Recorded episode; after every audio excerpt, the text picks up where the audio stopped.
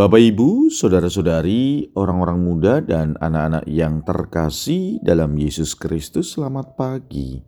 Salam bahagia dan salam seroja untuk kita semua berkah dalam.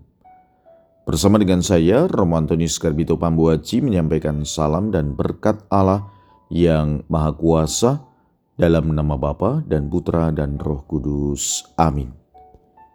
Hari ini Sabtu 19 Agustus dalam hari biasa pekan biasa ke-19. Bacaan pertama dalam liturgi hari ini diambil dari kitab Yosua bab 24 ayat 14 sampai dengan 29. Bacaan Injil diambil dari Injil Matius bab 19 ayat 13 sampai dengan 15.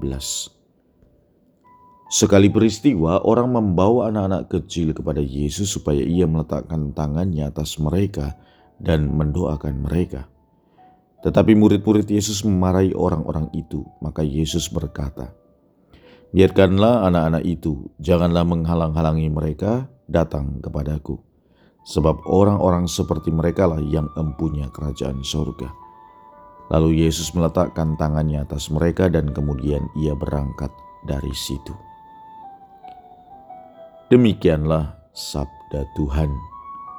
Terpujilah Kristus. Out of the box. Itulah pribadi Yesus.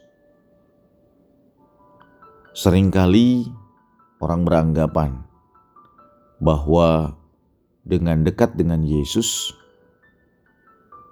menjadi punya hak privilege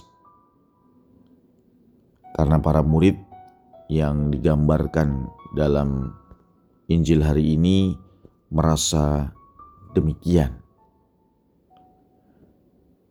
Namun kemudian Yesus memberikan penjelasan bahwa sesungguhnya anak-anak ini yang memiliki kerajaan sorga dikatakan oleh Yesus. Tetapi pertanyaannya mengapa para murid bersikap demikian? Bisa jadi karena mereka berpikir bahwa anak-anak kecil itu mengganggu dan tidak penting, sebab mereka sedang mendengarkan pengajaran dari Yesus.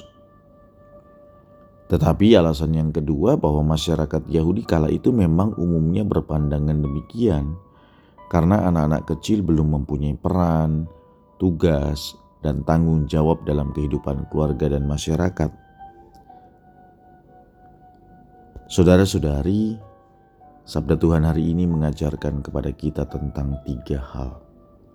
Yang pertama, pentingnya kesederhanaan dan ketulusan. Anak-anak dikenal karena sifat kesederhanaan dan kepercayaan yang tulus. Yesus ingin kita memahami bahwa kita harus datang kepadanya dengan hati yang sederhana dan tulus, seperti anak-anak tanpa kepalsuan dan keangkuhan. Yang kedua, penerimaan akan kasih Allah. Tindakan Yesus menyambut anak-anak menggambarkan penerimaan dan kasih Allah yang tidak terbatas. Maka dalam kehidupan kita sehari-hari kita harus memperlakukan sesama dengan penuh kasih tanpa memandang latar belakang atau status sosial. Yang ketiga, kerendahan hati. Hal ini ditunjukkan oleh Yesus bahwa orang yang merendahkan hati dan menerima kerajaan Allah seperti anak-anak akan menjadi yang terbesar dalam kerajaan sorga. Hal ini mengajarkan kepada kita untuk melepaskan kepentingan diri, bersedia untuk belajar, bertumbuh, dan menjadi pelayan bagi sesama. Marilah saudara-saudari yang terkasih, kita sungguh menghayati bahwa memang kita adalah anggota gereja. Memang kita dekat dengan Tuhan Yesus, tetapi hal itu terus harus kita perjuangkan untuk tetap setia, tidak otomatis mendapatkan privilege. Marilah kita berdoa. Ya Tuhan, semoga kami tetap setia dan terus berjuang untuk menjadi setia, serta mengembangkan sikap rendah hati karena juga merasakan bagaimana Engkau mengasihi dan menerima kami. Berkat Allah yang Maha Kuasa dalam nama Bapa dan Putra dan Roh Kudus. Amin.